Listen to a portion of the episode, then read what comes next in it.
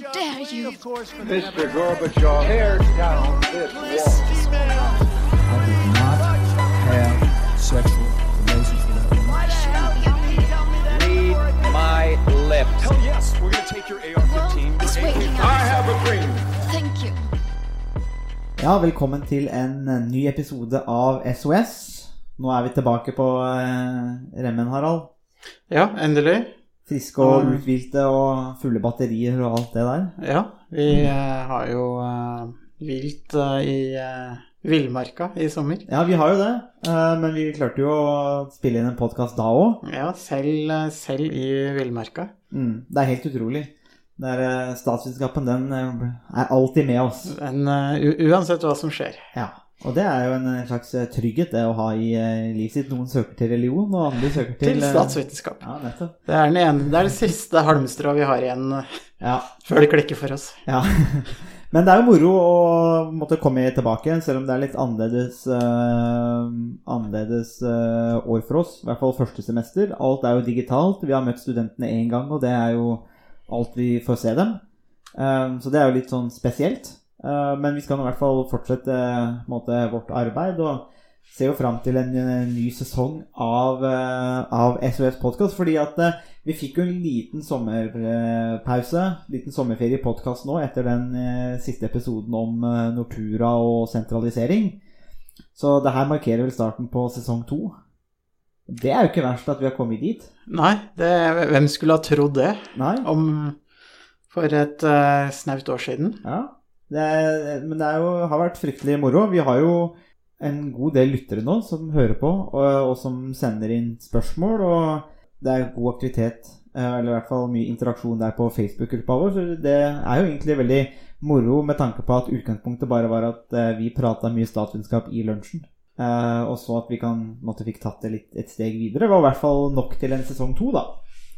Så det syns jeg setter jo i hvert fall eh, jeg pris på. Det gjør vel du òg? Ja, jeg syns det er veldig artig, og det har jo vært en fin eh, anledning til å, å utvide en del av de diskusjonene vi har hatt eh, Mm.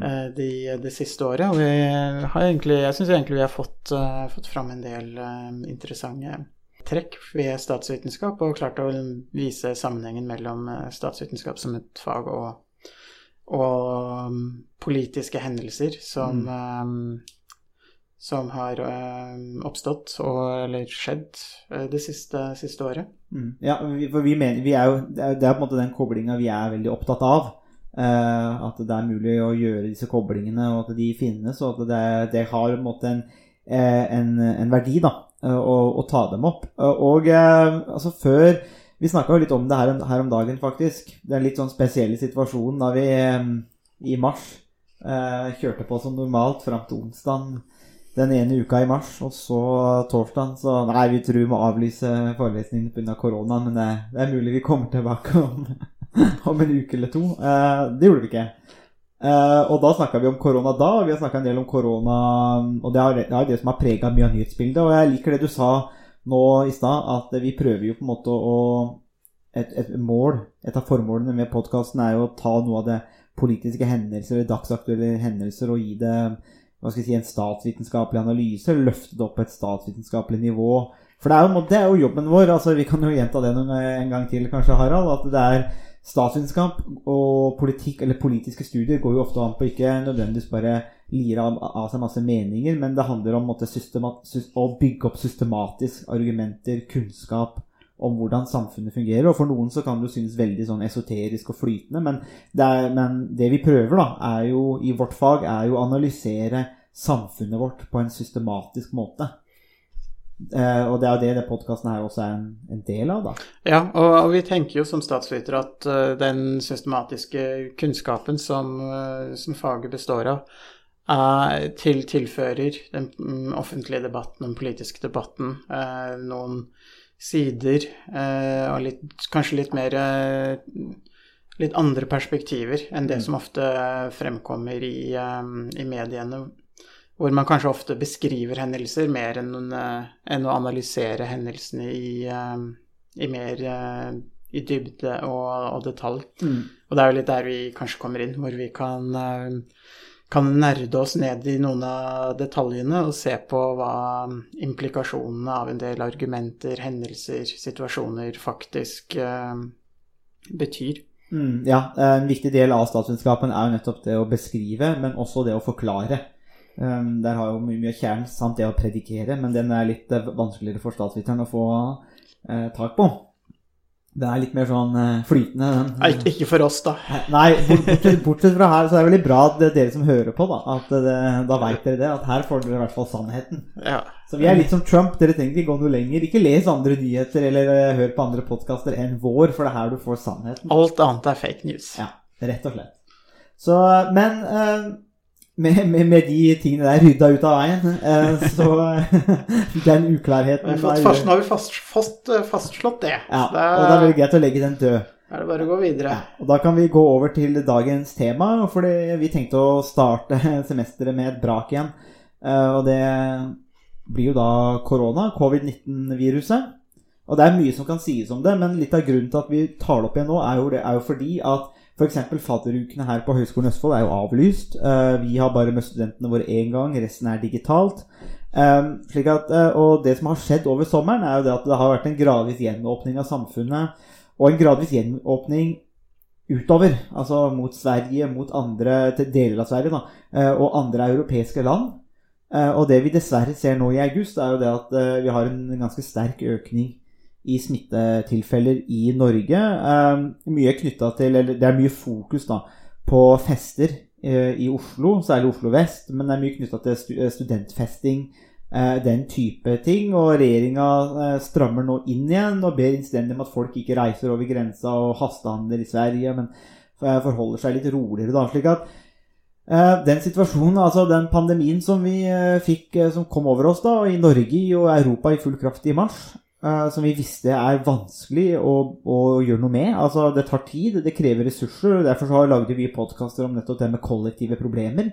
Og hvordan pandemi er et kollektivt problem som krever kollektiv samhandling. Eller gjør det det? Det var jo litt av debatten. Men det, det, det som skjer nå, viser jo bare at ok, det kommer Det, det bare bekrefter da, at det her kommer til å være med oss en god stund til. Og all det fokuset nå på den festingen og, måtte, og masse Du ser jo mange kommentarer i media. Liksom. Hvor dumme er folk som gjør de tingene der? Og så er det andre som skriver Nei, la oss få lov til å feste. Vi må jo få lov til å ha det moro eh, og studenthverdagen. Og så er det noen som sier Nei, men det er jo nesten en menneskerett å få reise over til Tuxfors, eller Tucken, var det det du kalte det? Ja, det er det på folkemunne, tror jeg. Er på folkemunne Tucken og, og reise over der og kjøpe billig snus og Pepsi Max. Det er nesten en sånn rettighet.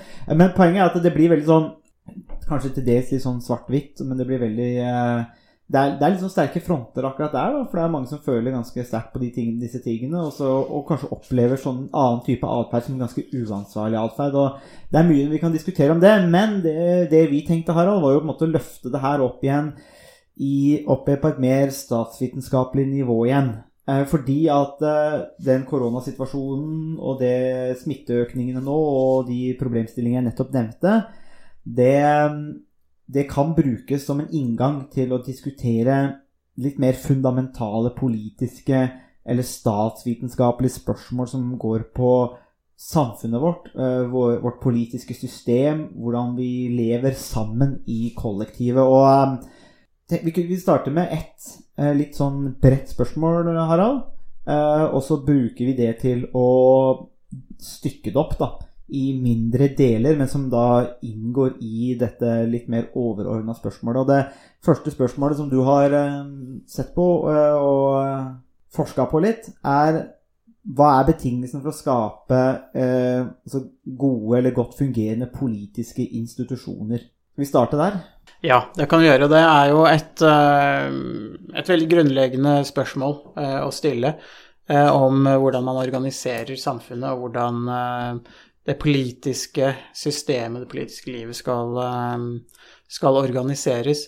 Eh, Og eh, det er jo egentlig et, et veldig stort spørsmål som eh, det er umulig å svare på i en, en podkast sånn i sin helhet. Så det vi kommer til å, å fokusere på i, i dag, blir jo på en måte å knytte det litt opp til de, noen av de begivenhetene eh, knyttet til eh, koronapandemien som, eh, som du har vært inne på eh, allerede. Altså hvordan er, det, hvordan er det vi kan få samfunnet til å eh, eh, bekjempe koronaviruset? Altså hvordan er det man kan kvitte seg med Hva er det man kan gjøre? Hva slags betingelser er det som må ligge til grunn for at man skal kunne kunne være i en situasjon hvor man på så god måte som mulig kan, eh, kan redusere mulighetene til, eh, til viruset for å, for å spre seg. Spørsmålet da er jo liksom Man kan jo si at man kan jo bare fortelle folk dere må gjøre sånn og sånn.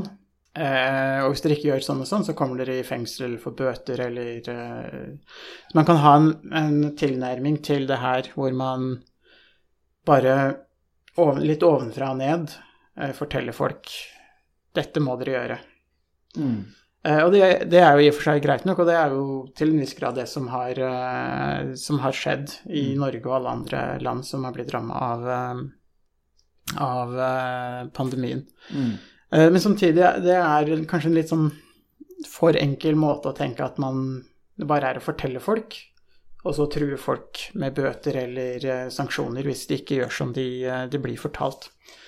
Eh, for til en, til en viss grad, og det har jo vært et punkt som mange av både statsrådene, toppene i eh, Folkehelseinstituttet og andre steder har vært inne på, nemlig det at man er til en viss grad avhengig av folks eh, vilje til å følge de tiltakene som, eh, som blir Mm. foreslått. Det er ikke sånn at man bare kan eh, sende politi eller eh, få noen til å overvåke eh, samfunnet for å sørge for at vi alle følger de, de retningslinjene som til enhver tid gjelder, og som kanskje endrer seg eh, litt raskt, og for noen kanskje litt, eh, litt for raskt. Vi er jo ikke Øst-Tyskland, men hadde vi vært Øst-Tyskland med Stasi, så hadde det jo ikke vært noen spredning. For da kunne man jo bare overvåket alle. Ja, og det er kanskje derfor Nord-Korea ikke har noen eh, har noen tilfeller med, med av, eh, Eller har hatt noe utbrudd av koronaviruset. Ifølge dem selv. De skal ha hatt uh, ett eller to eller noen sånn få, uh, veldig få Mm. eh, tilfeller. Men, men i hvert fall det som er poenget, det er For å bekjempe pandemien så kreves det noe mer enn bare pekefinger, noe mer enn bare å fortelle folk sånn må dere gjøre. Det krever også at en viss grad av tillit, en viss grad av eh, hvordan man Altså en viss grad av legitimitet, en viss grad av støtte, eh, oppslutning fra befolkningen og en viss grad av et tillit mellom eh, ulike individer og grupper i befolkningen for å, for å eh, tro at det, det vil nytte å, eh, å følge de restriksjonene og de, de retningslinjene som til enhver tid gjelder. En slags eierskap, da. Ja, og det er der vi kommer inn på eh, det med institusjoner, eh, og det med sånn, hvilken betydning tillit har, eh, medborgerskap og sivilsamfunn. Eh, for spørsmålet er jo litt sånn Hvis vi skal bekjempe pandemien, så trenger vi da kanskje noe mer enn bare pekefinger, som jeg har vært inne på. Og da er spørsmålet hva mer er det vi trenger? Hva er på en måte de tilleggs... De tilleggs eh, Altså hva er det tillegget vi trenger? Hva er det vi trenger i tillegg til bare å fortelle folk hva de eh, skal gjøre og ikke gjøre? Eh, og da er det jo en del eh, Der har det blitt gjort en del forskning på innenfor statsvitenskap om hva som skaper de betingelsene som kan øke tilliten, eh, øke mulighetene for at man klarer å skape et effektiv, en effektiv regjering, et effektivt eh, politisk eh, styre. Mm. Og noen av de svarene på hva som kan være eh, viktige bidragsytere, i tillegg til på en måte den mer sånn eh, direkte anvisningen om hva man skal gjøre og ikke gjøre, er jo det vi skal, eh, skal snakke om eh, i, eh, i dag. Eh, og det som er en, en grunnleggende byggekloss i det politiske, politiske systemet, som vi har snakket en del om i egentlig mange av podkastene, helt ifra noen av de aller første i fjor høst, er jo hvilken betydning institusjoner spiller i, mm. i det politiske systemet. Eh, og institusjoner er jo de eh, prosedyrene, eh, de, eh, de ulike oppgavene, rollene, eh, i det formelle politiske systemet, som f.eks. storting, eh, regjering, forholdet mellom storting og regjering, hvilke regler er det som gjelder mellom eh, de ulike delene av det politiske, politiske systemet. Hvordan er det man, altså, rett og slett, hvordan er det man styrer? Hvordan er det man tar beslutninger? Eh, og hvordan er det man eh, gjennomfører og iverksetter eh, beslutninger. Så det det handler om når man snakker om institusjoner, er hvordan beslutninger blir tatt, og hvordan de blir eh, iverksatt. Og der er jo det som er litt av krisa kanskje nå i USA òg, bare for som vi kan enkelt illustrere det du snakker om nå, er jo det at når du ser Trump som eh, nekter å potensielt godta valg, eh, gjøre ting på sin egen måte, det er liksom ikke så farlig med spillereglene, det er ikke så farlig med hvordan ting gjøres, det, bare, det skal bare gjøres slik han vil, eller, eller sånne ting. Eller når man ser, når man ser f.eks. at uh, i, i, i deler av valgdistriktene så er det ikke satt ut valgmaskiner så du, sånn, for å på en måte behindre, hindre at folk stemmer. Men særlig det med Trump er egentlig et godt eksempel på et angrep på institusjonene. Og det er institusjonene knirker i USA for tiden, tror jeg er rimelig å si. At de er under et ganske alvorlig press. Eh, men det illustrerer på en måte det du sier, da. Eller snakker om nå, det teoretiske. Eh, kan man bare tenke litt på USA og Trump i dag, så ser man på en måte hvordan er det man gjør ting og de spillereglene. Og, litt av vårt poeng har vært at det faktisk betyr noe.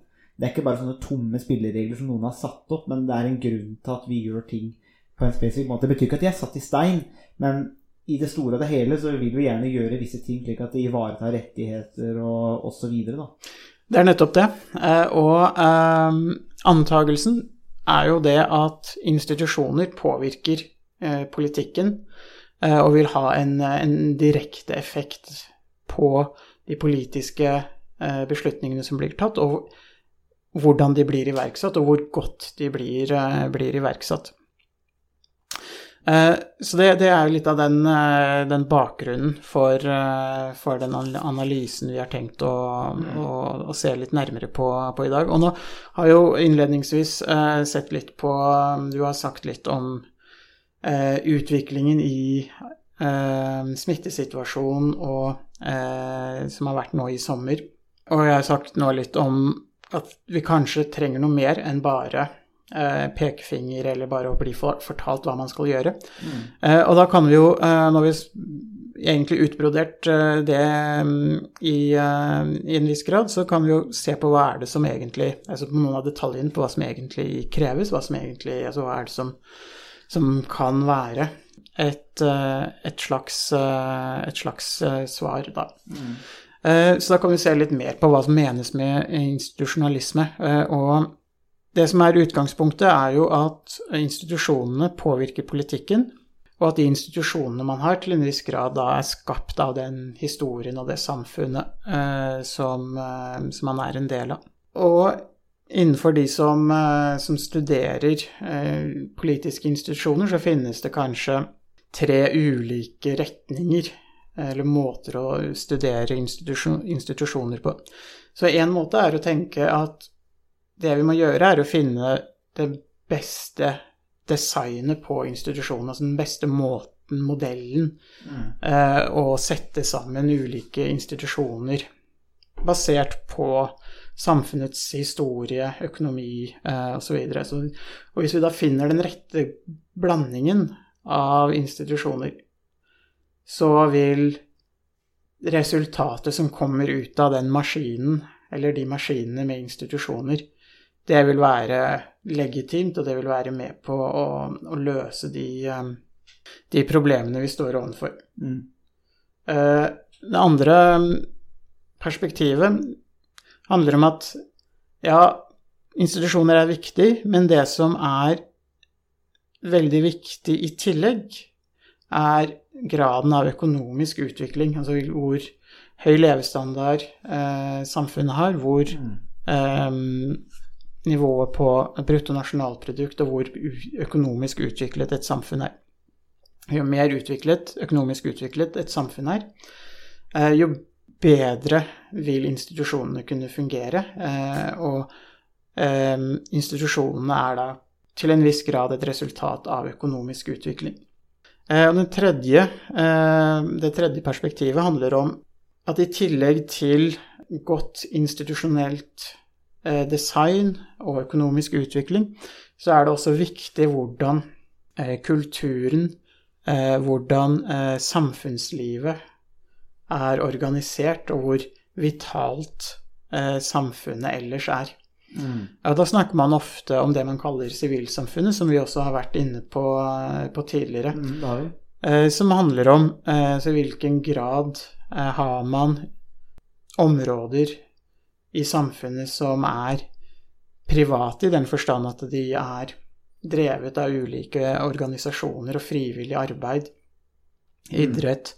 eh, Det kan være religiøse organisasjoner, eh, ulike eh, humanitære organisasjoner. Og da liksom alt fra golfklubber til sjakklubber og, og en, del, en del av de aktivitetene som vi i utgangspunktet ser på som kanskje litt sånn trivielle i et politisk perspektiv, bortsett fra golfklubber, da, som eh, bærebjelke i samfunnet. ja. Eh, Så det som er perspektivet i det tredje, eh, det, det tredje eh, perspektivet på institusjoner, er rett og slett det at for å få et velfungerende og godt politisk styre, så er man avhengig av et vitalt sivilsamfunn, som er det som er mellom staten og eh, økono økonomiske aktører. Mm. Og um, det handler om i hvilken grad enkeltindivider og grupper er involvert i ulike former for eh, sosialt, kulturelt, religiøst, idrettsarbeid osv. Så det handler litt om hvordan man er engasjert, men ikke nødvendigvis i direkte politiske aktiviteter, men i å drive samfunnet, i å være en deltaker. Og det er det vi ofte kaller det å være en aktiv medborger, altså i hvilken grad man er involvert. Mm, ja, for det, det dekker jo så mange ulike aktiviteter. Som du sier, ofte trivielle, men ofte veldig mye av det som fyller hverdagen vår. Eh, ikke sant? At man, man kanskje er på jobb da, en, hos en privat økonomisk aktør, eller kanskje sånn som du og jeg, i, i det offentlige. Men mye av resten av livet Det er mye, mye ting som skjer imellom der. Og så tenker jeg også at eh, eh, Bare for å understreke viktigheten kanskje av det der tredje perspektivet som du tar fram, eh, og det sivile samfunnet, at det er vitalt. Altså Hvis man går til en rekke filosofer og politiske tenkere Jeg tenker, altså Man kan trekke fram her f.eks. Rousseau, men også kanskje Hanna Arendt av, av nyere tenkere. Så er det det derre å komme sammen og løse en oppgave eller spille en fotballkamp. Det kan kun gjøres med lag, men man, man, man må komme sammen. Og for mange filosofer så er det, er det noe sånn slags magisk. Eh, og jeg skjønner det òg, men det der å komme sammen og ha muligheten til å ha arenaer til å komme sammen, det skaper nye ting. Samtidig som det gir noen retningslinjer, det gir noen normer, men det gir også arenaer for å utvikle ting og mestre ting. Men det gir også arenaer for å spre smitte, da, så det er jo en slags dobbel vei der. Men eh, sivilsamfunnet er uansett veldig viktig, da, for det, det er bare å understreke det. Og det er noe politiske filosofer har prøvd å måte, ikke fange, kanskje, jo, men kanskje fange essensen av, eller forstå. Fordi at eh, det er ikke noe som du setter opp i det offentlige eller private. Det er et eller annet imellom som er, som er helt sentralt. da. Ja, og det, det som man ser da, er jo at eh, hvis man har et aktivt eh, sivilsamfunn, eh, et samfunn hvor det er eh, relativt høy grad av eh, deltakelse og involvering i det som, det som skjer i, eh, i lokalsamfunnet og i andre sammenhenger, så skaper det eh, noen forventninger, og det eh, skaper noen forventninger til hva man selv skal gjøre, eh, og hva man forventer av andre. Eh, og det skaper et samfunn hvor det er en slags eh, element av gjensidig nytte mellom de ulike aktørene, mellom de ulike gruppene og individene i, eh, i et samfunn. Eh, og det som kanskje er litt viktig, er det som, mm, liksom, som, handler om det, hva slags forventninger man stiller til seg selv og til, og til andre. For det som, det som kreves til, altså utover det å utover det at man, man får beskjed fra myndighetene om hva, man, hva man skal gjøre for å unngå smitte, er jo det at man har forventninger til at andre vil følge, også vil følge de eh, retningslinjene, og at man vil følge de retningslinjene selv. Mm.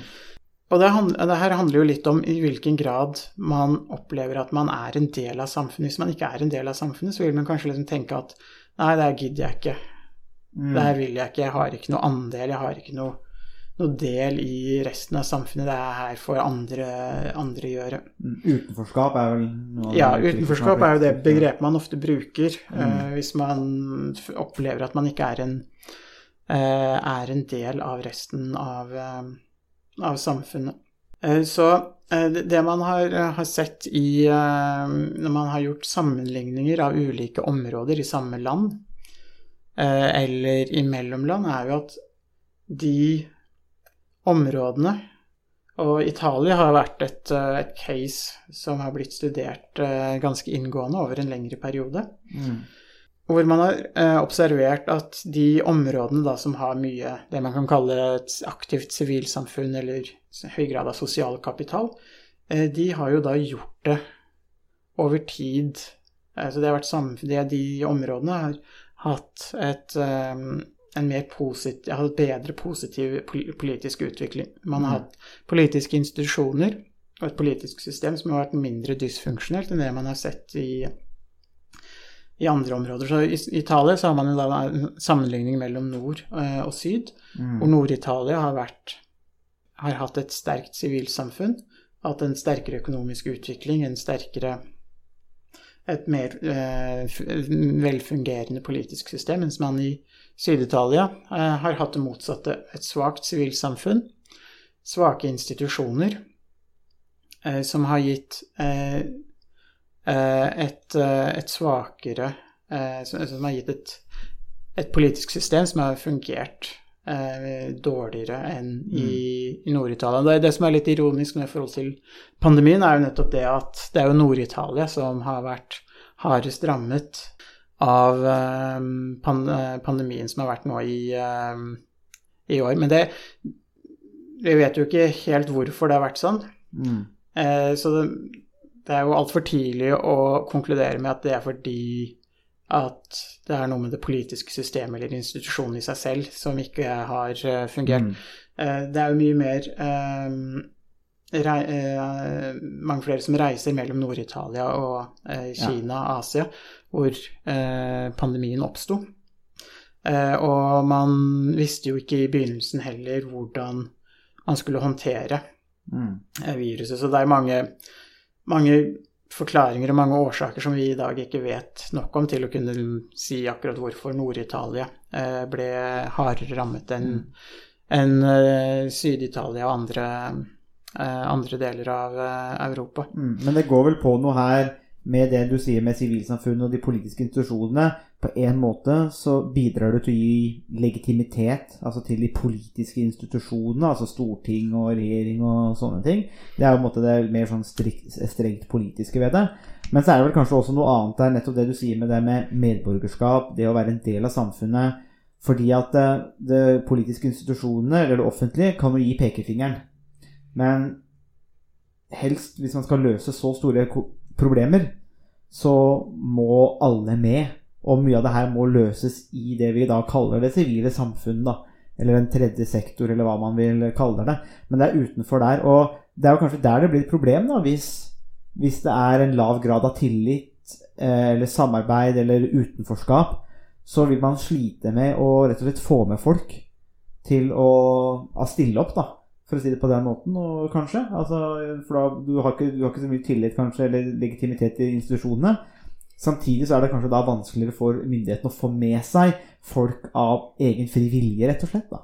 Ja, fordi eh, når, man, når man snakker om å bekjempe et, et virus eh, som det vi står overfor nå, så, så krever det en veldig stor innsats eh, fra alle, og det, man er egentlig avhengig av at absolutt alle egentlig eh, stiller opp og følger de eh, retningslinjene. For selv bare én eller to personer kan jo føre til eh, en stor oppblomstring av, av smitten. Eh, spesielt hvis man snakker om det, det, det som blir kalt såkalte superspredere, som kan eh, spre smitte til eh, kanskje opp mot flere titalls mennesker. mennesker. Så vil bare det at én eller to ikke følger de retningslinjene, føre til at smitten kan blusse opp igjen. Eh, altså hvis én sprer smitten til kanskje flere titalls mennesker, så vil jo de igjen Mm. kunne spre det til, eh, til mange, og så blomstrer det jo da veldig raskt opp. Så eh, det, det vi er avhengig av, er jo at absolutt alle eh, tar ansvar for de. Eh, og det er det som Der vi kommer litt tilbake til, eh, til der vi begynte. Nettopp det at man kan komme et godt stykke med pekefinger og bare fortelle folk, men det er ikke godt nok for å vinne over eh, et virus sånn som eh, det vi står overfor nå. Og det som er interessant med Nord-Italia, er jo at de har jo eh, faktisk klart å overvinne viruset på en ganske god måte. De har jo relativt lave smittetall i Nord-Italia i dag, Mm. sammenlignet med mange andre eh, europeiske land. Eh, og også eh, Syns han sammenligner med, med USA og Storbritannia, som er to av de landene som har kanskje fått et mer dysfunksjonelt politisk system, hvor nettopp de politiske institusjonene og legitimiteten til det politiske systemet har vært under press i, eh, i flere år. Mm. Eh, Så det som er interessant med Nord-Italia, er jo at de, de sto kanskje ovenfor en av de mest dramatiske smittesituasjonene som man har sett i Europa. Alle de andre områdene i Europa, og i og for seg resten av verden, eh, de hadde jo noen dager og uker på å forberede seg. Mm. Og det er jo de, eh, kanskje noen av de landene som, har, som tok advarslene og situasjonen som oppsto i Nord-Italia på alvor, som også klarte å, Mm.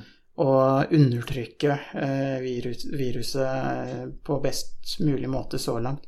Mm. Så i Nord-Italia klarte jo faktisk å overvinne viruset, og har i dag veldig lave smittetall. Og det er kanskje det, det er jo vanskelig å si noe sikkert om bakgrunnen for det, men det kan jo også være et eksempel på at de politiske institusjonene faktisk fungerte, fordi man hadde et, eh, en legitimitet og en, samfunns, eh, en samfunnsstruktur som, eh, som var i stand til å overvinne eh, den situasjonen man sto, sto ovenfor. Mm. Så tenker jeg at det, det, det, da har vi på en måte dekt i en side her som er interessant. Men så er jo spørsmålet et annet spørsmål. det kan også kanskje tyde på at italienerne nå tok det her altså på største alvor når de innså hvor alvorlig det er. Og da er spørsmålet når, når, vi, da- når vi da ser utviklingen i Norge nå eh, eh, Vi har jo sluppet mye billigere unna, f.eks. Altså, my, mye mye billigere unna enn Italia. Men vi vet jo at det er en pandemi. Altså vi, det, det er ingen som betviler at det er en pandemi. og det, Per nå har det drept eller tatt livet av ca. 750 000 mennesker i verden. Og det er klart at det kommer til å bli, til å bli noen millioner eh, innen alt er eh, sagt og gjort her.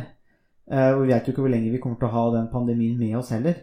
Eh, men når, når vi da ser den utviklingen i Norge nå eh, I Norge har vi jo høy grad av tillit til institusjonene våre. og det er mye legitimitet. Det er ikke det som er problemet her. Men samtidig så ser det ut som at Eller vi ser jo smittespredningen. Så er spørsmålet hva forteller det oss noe? Annet enn at det bare er uflaks eller tilfeldigheter. Eh, Det kan du være. Eller forteller det oss noe om at eh, nordmenn f.eks. nå ikke tar det like seriøst? Vi er for slappe. Slik at nå begynner vi å miste kontroll over smitten. Myndighetene gjør det de kan. Men pekefinger er ikke nok. Men samtidig, og nå kommer det en, en skikkelig sånn liberal anføring her av et argument om staten Staten skal jo ikke behøve å gjøre alt. Eh, Vi vil jo, De fleste i dag vil jo ikke ha fra vugge til grav en stat som passer på hvor vi beveger oss. Vi vil ikke ha Øst-Tyskland og Stasi som forteller deg hvor du kan gå, når du kan gå, og hvem du kan gå med. Eh, Så vi gir jo en større grad av frihet til innbyggerne våre.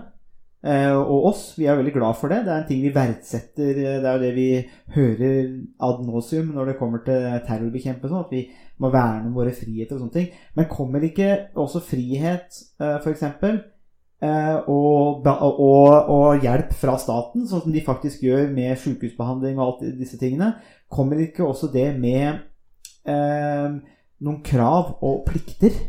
der vi som er i det tredje, den tredje sektoren, eller når vi er i den tredje sektoren f.eks., at vi også forplikter oss til å ta ansvar, til å gjøre det vi kan for å stoppe smittespredning, for å stoppe disse tingene. Er det, har det skjedd noe der, tror du, Harald, i Norge den siste tida?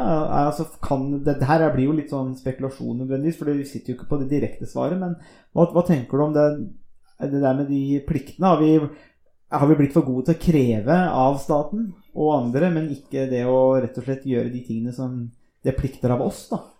Ja, jeg, jeg tror du peker på noe veldig viktig der. Og det som eh, kanskje er litt paradoksalt i den situasjonen vi står overfor nå, er jo nettopp det at på, på den ene siden så krever vi jo fra myndighetene at de skal hindre og gjøre det de kan for å hindre at uh, smitten sprer seg.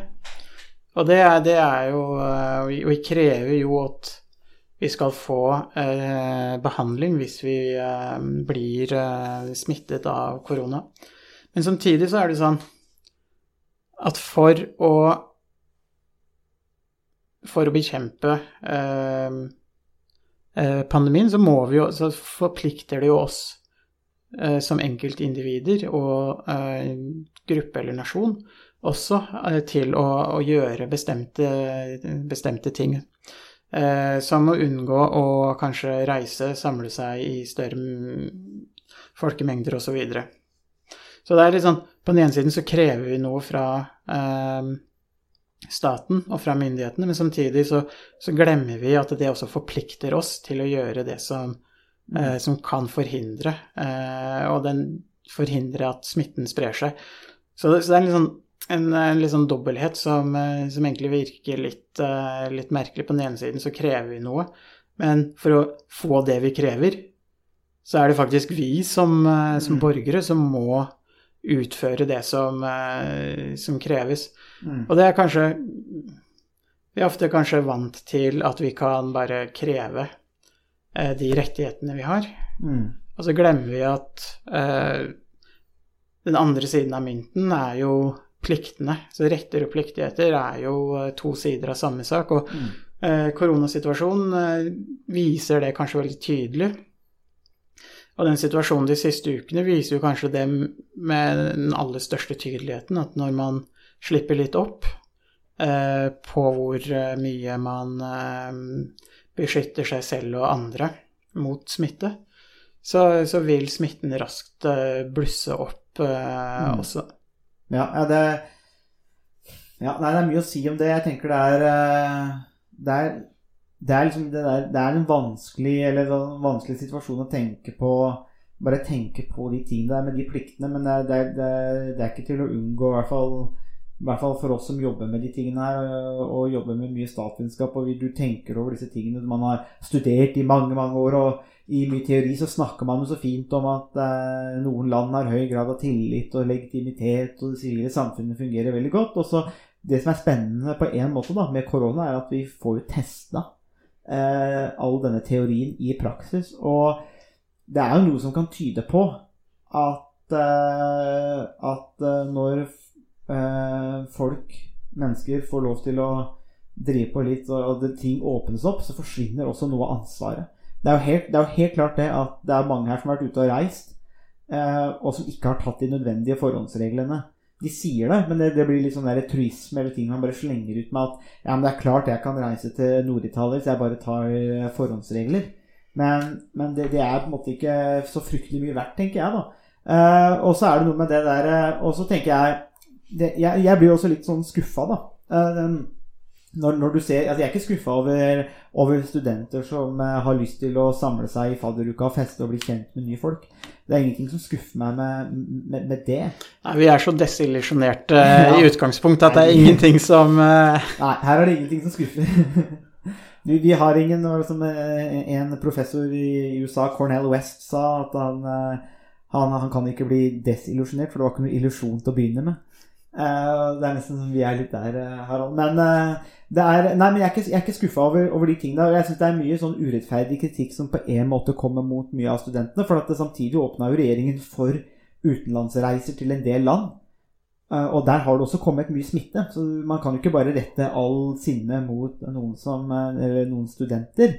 Men i sum, da, så utgjør jo disse tingene her en, en, en, en relativt uansvarlig oppførsel, vil jeg si. da. Eh, og det som, har meg, det som skuffer meg litt, er det at det er bare som menneske, da. Vi lever jo for så vidt relativt korte liv, men på en måte ganske lange liv. Men i verdenshistorien ganske korte liv. Vi kan jo lese fra verdenshistorien store hendelser. Eh, Men det er, det er ikke mange hendelser i et menneskes liv som er monumentale på en sånn global skala.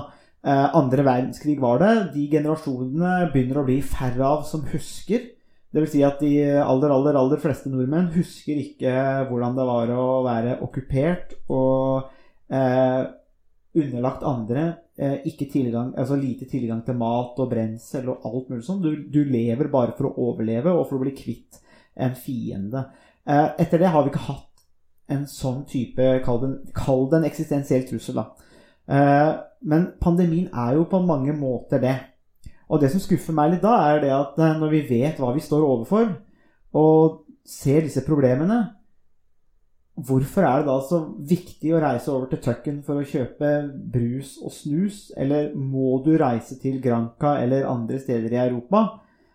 Eh, hvorfor er det så vanskelig å ofre på en måte en sommer eller høst med fritidsaktiviteter eh, og selvrealisering? Når man vet at man står overfor den største utfordringen på global skala siden den andre verdenskrig. Det, det sliter jeg med å forstå. Ja, jeg tenker det er det helt sentrale. Hadde det vært en mindre alvorlig situasjon eh, verden sto ovenfor, så kunne, jeg, kunne det vært lettere å forstå de som eh, ville reise til Sverige eller ha åpne grenser eller eh, reise på hytta eller eh, andre ting.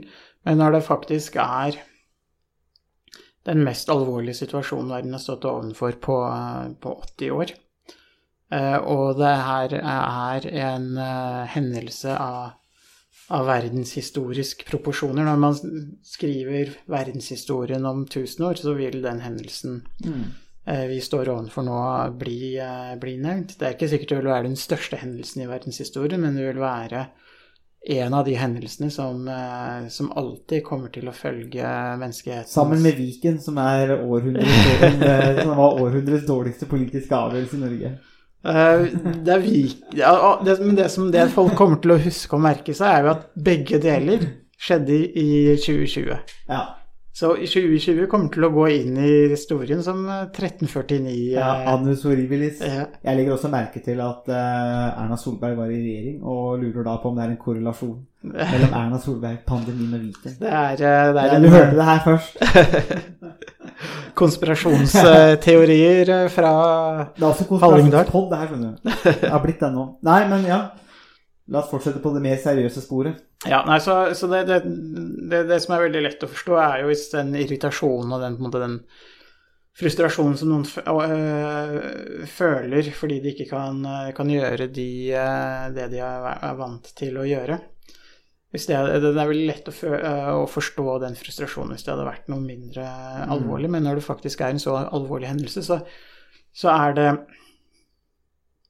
så er det noe som eh, som undrer meg litt. Eh, For hvor viktig er det å enten eh, reise et sted eller gjøre en bestemt ting både i, i Norge eller andre, andre steder? Det er klart eh, Man kan ikke stenge samfunnet helt for over en lang periode, men samtidig så er det noe eh, noen vurderinger som er blitt eh, som gir gitt til oss som individer. Eh, trenger vi å reise? Ja, kanskje vi trenger å reise, kanskje ikke. Eh, og hvor det er nødvendig for, for oss å ta, de, eh, ti, ta noen av de beslutningene. Eh, staten kan ikke ta alle beslutningene for oss, selv i en eh, sånn situasjon som det vi står overfor nå. Så vi er avhengig av at vi, oss- vi selv også tar noen av de beslutningene. Og det, er litt, og det går jo tilbake til det som, det som var starten på, på podkasten. Eh, om hva er det som skaper et godt politisk styre, hvilke betingelser, hva er det som skaper gode institusjoner. Og det er jo nettopp det at man, man trenger til en viss grad eh, den tilliten og den, eh, eh, opp, oppfattelsen og forståelsen av at man, eh, man Det er viktig de beslutningene man, som, som hver enkelt av oss, uh, Mm. av oss tar. Det er vel kanskje, og det som kanskje kommer ut av det òg, tenker jeg, er det at et, altså et velfungerende politisk system, men også et velfungerende samfunn, er avhengig av mer enn bare statlig eh, handling, og mer enn store eller vel, velfungerende private aktører. Det er avhengig av, denne, av dette sivilsamfunnet. Og jeg lurer på om kanskje det der med sivilsamfunn eh, og de jobbene, det er faktisk ganske krevende. Eh, og kanskje mer krevende enn mange har tenkt. Og kanskje Norge har sluppet billig unna i de siste tiårene med massiv økonomisk vekst og en eh, stor stat som tar unna ganske mye av oppgavene. Så vi har på en måte fått, liksom, har fått lov til å, å, å leve egentlig litt sånn uten å ta ansvar for de tingene, da. Mens når du står overfor mye større kollektive problemer, så er det sånn som av en pandemi, da, så ser man at oi, eh, skal de tingene her faktisk gå bra? Eh, Skal vi unngå ukontrollert smitte som faktisk kan ta livet av tredjepersoner? Eller altså, altså, man, man kan jo være asymptomatisk eh, og feste og herje på så mye man vil og ta livet av helt gamlehjem hvis man er så uheldig. Ja, men altså, det er jo i ytterste fall konsekvensen da, hvis man, hvis man ikke passer på. Ja, og det finnes jo eksempler på, på gamlehjem som har mm. blitt veldig hardt uh, ramma, både i Norge og andre, i andre land. Ja. Så det, det, er, det er mye man skal passe på. Og, og, og da kommer det litt der med medborger, og jeg tenker det at eh, det også er kanskje noe som vi kan løfte opp her på et litt mer statsvitenskapelig nivå. er at, For vi har snakka veldig mye, og i hvert fall i min, og min egen forskning, så har jeg snakka veldig mye om hvordan rettighetene våre skal beskyttes mot statlig inngripen, og at vi må beholde de rettighetene. Men nå er det kanskje på tide å snakke også om disse pliktene eh, som vi som borgere har. slik at det å være medborger eh, Man kan jo bli, være ekskludert eller inkludert av ulike faktorer. Men jeg tenker det å være medborger, det, og det er noe annet enn å være statsborger, i hvert fall i norsk sammenheng. Men det å være medborger, være en fullt medlem av samfunn, det krever også faktisk at vi, eh, vi, vi, forplikter oss til å ta en del grep når vi må, eh, for å sørge for at samfunnet fungerer på den måten vi vil, og at vi tar hensyn til andre. fordi vi lever jo i et samfunn med andre. Eh, og det er jo det vi ser nå, at vi er nødt til å stenge visse ting. Vi er nødt til å begrense noen ting. Frisører f.eks. mister mye penger, for de må ta inn færre folk i salongene sine. Det, alt må registreres. Det er mye tapt. og det er mye Altså, det er mange som lever usikre liv nå for tiden. Og da føler jeg at det å ta på alvor disse tingene da, og passe på disse pliktene vi har, det er veldig viktig for at vi skal fortsette å fungere. Altså, Norge, vi liker jo å si det her. Jeg sier jo alltid, det er jo sant, at det er typisk norsk å være god. Uh, men det er klart det holder ikke å si det. Det holder ikke å si at det er typisk norsk å være god. Det holder ikke å si at FN har oss som verdens beste land å bo i. Fordi at uh, skal man smykke seg med sånne titler eller ordtak, så er det faktisk ganske mye ting man må gjøre. Og jeg, jeg, jeg, lurer litt på om vi kanskje har hatt det litt for godt der. At vi måtte ha blitt fritatt litt for disse tingene, og så har vi bare surfa på en bølge, og så har vi glemt litt at det, det fordrer, eller krever av oss òg, da. Å være medlemmer av det norske samfunnet hvis det norske samfunnet skal fungere bra. Hvis det er et mål, da. Det kan hende at det er mange nihilister der ute. Ja, eh, vi nihilister blir jo bare flere og flere, så Det er du som har vært ute og rekruttert. Så det er, det er, Harald som er deler av problemet. Ikke, nei, det er, det er, ikke smitte på rådet, vel? Nei, det, det skulle tatt seg ut. Men det har vel litt med alle de sprøytemidlene du har kjørt ut i pepletrærne, som bare dreper alt av virus. Ja, det, og det er det som er så fint med å bo i rådet. Det, ja. det, det tar knekken på alt. Noen, noen fordeler må, må, må, det være. Men det her blei jo en ganske lang episode, Harald. Uh, 50 minutter. Ja, det er prime time, føler det. At du, føler at vi har kommet gjennom det vi trengte i dag? Eh, vi har, vi har, ja, det, det, har vi gjort. Eh, absolutt. Eh, vi har uh, vært inne på veldig mye viktig. og hvis man på en måte skal opps oppsummere litt noe av det vi har vært inne på, så er det kanskje det med institusjoner handler jo også til en viss grad om man bygger samfunnet ovenfra eller nedenfra. Man forsøker mm. å Um, å ha en viss grad av likhet, uh, en viss grad av um, det man kan kalle institusjonell sosialisering. At man blir på en måte invitert og involvert i ulike uh, aktiviteter, og ikke nødvendigvis politiske eller økonomiske aktiviteter, men ulike aktiviteter. Det, men det betyr ikke sånn at vi alle trenger å melde oss inn i eh, fire organisasjoner eller støtte mulige, eh, alt mulig av frivillig arbeid, men det at man det er mer en det er jo mer en slags Det er mer en kvalitativ egenskap enn en kvantitativ eh, egenskap. Det å kunne være en medborger eller mm. oppleve at man har et, eh, er en del av, eh, av samfunnet. At man Det finnes arenaer Mm. hvor man kan kan, kan være et væ- væ- Være med, eller det å være deltaker, og ikke bare tilskuer. Mm.